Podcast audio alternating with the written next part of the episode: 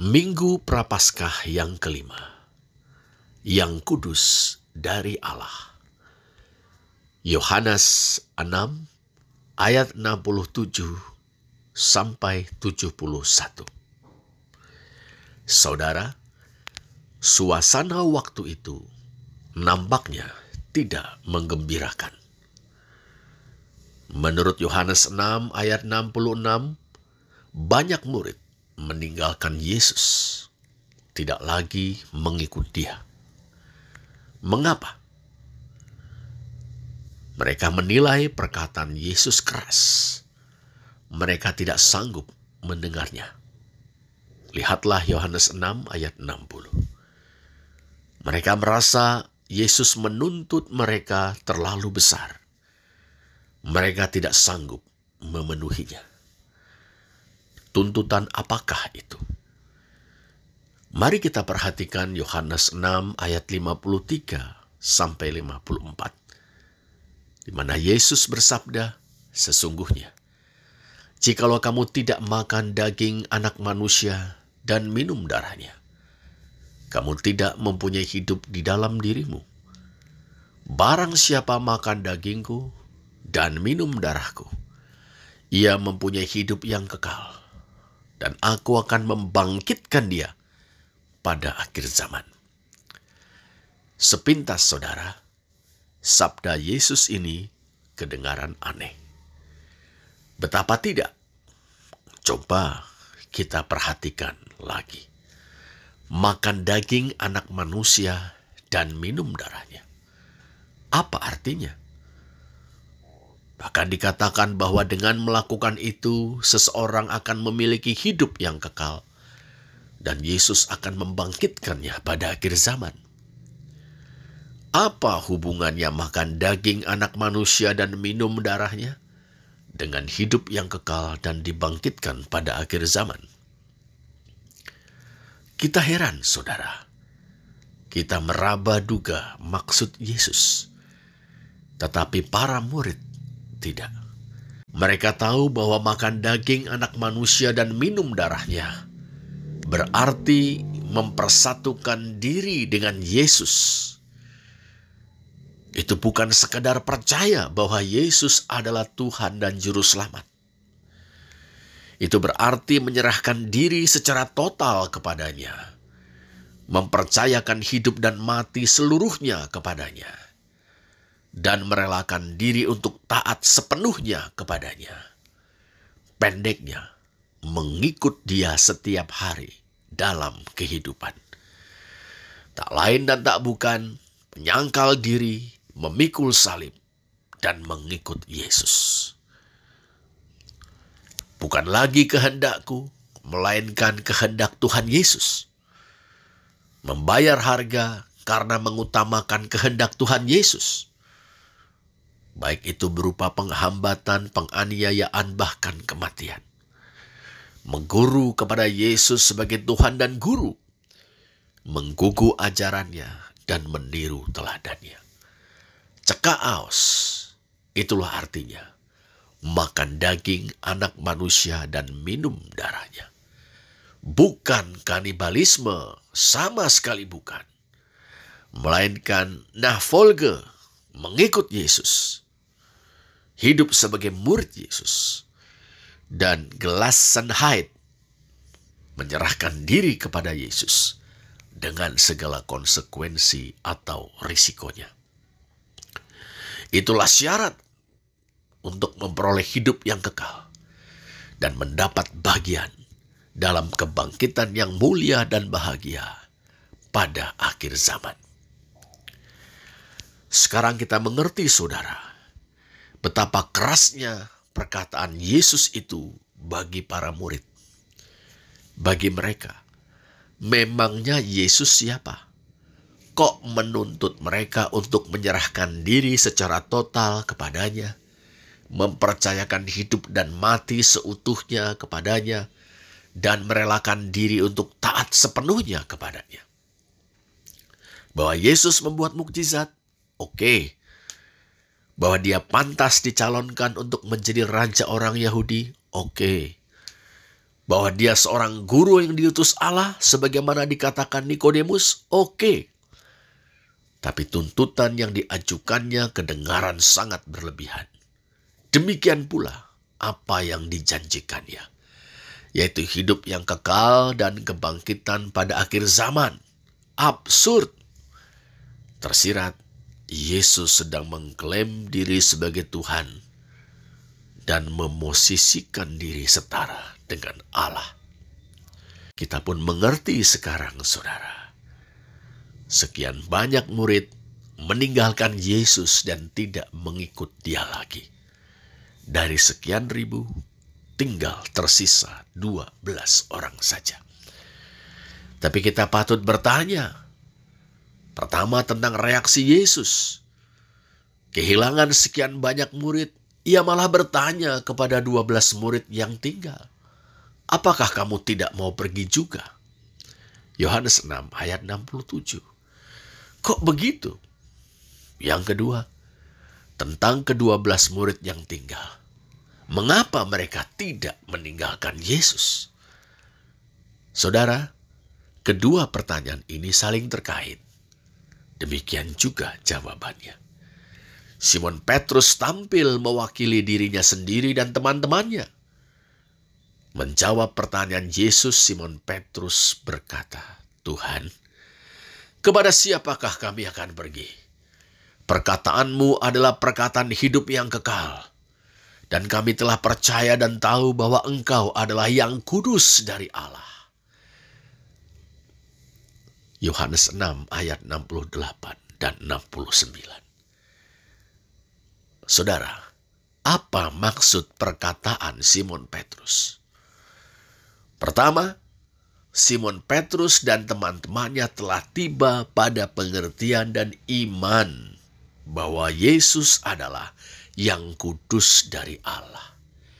Hohagios tuteu dalam teks Yunani. Sebagaimana kita ketahui, Simon telah datang kepada Yesus karena ajakan adiknya Andreas yang mengatakan bahwa ia dan rekannya sesama mantan murid Yohanes Pembaptis telah menemukan Sang Mesias. Yohanes 1 ayat 41.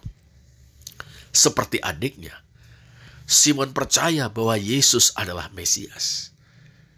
Demikian juga Filipus yang menyebut Yesus bin Yusuf orang Nazaret itu sebagai dia yang disebut oleh Musa dalam kitab Taurat dan oleh para nabi. Yohanes 1 ayat 45. Demikian juga Nathanael si pembelajar Taurat dan nabi-nabi yang menyebut Yesus anak raja, anak Allah, raja orang Israel. Yohanes 1 ayat 49. Dengan sebutan yang berbeda-beda, mereka semua percaya bahwa Yesus adalah Mesias. Tetapi secara tersirat, Yesus pernah mengatakan kepada Nathanael bahwa pembelajar Taurat dan nabi-nabi itu akan tiba pada pengertian bahwa laki-laki bersandal dari Nazaret itu adalah pengantara satu-satunya antara Allah dan manusia. Yohanes 1 ayat 51. Sang Mesias yang bergelar anak Allah bukan sekadar manusia biasa yang diurapi Allah untuk menjadi Raja Agung Israel. Lebih daripada itu, dia anak tunggal Allah atau Sang Firman yang telah datang dari sorga ke dunia sebagai manusia untuk mewahyukan Allah sebagai Bapa dan menjembatani manusia berdosa dengan Allah. Nah, saudara, Simon Petrus dan kawan-kawannya rupanya telah tiba pada pengertian itu. Dengan menyebut Yesus sebagai yang kudus dari Allah, ia menyatakan bahwa Yesus adalah Mesias yang bukan sekedar manusia biasa, melainkan sosok istimewa yang datang dari Allah, yang kudus sebagaimana Allah, dan yang memiliki otoritas ilahi sepenuhnya untuk berfirman kepada manusia.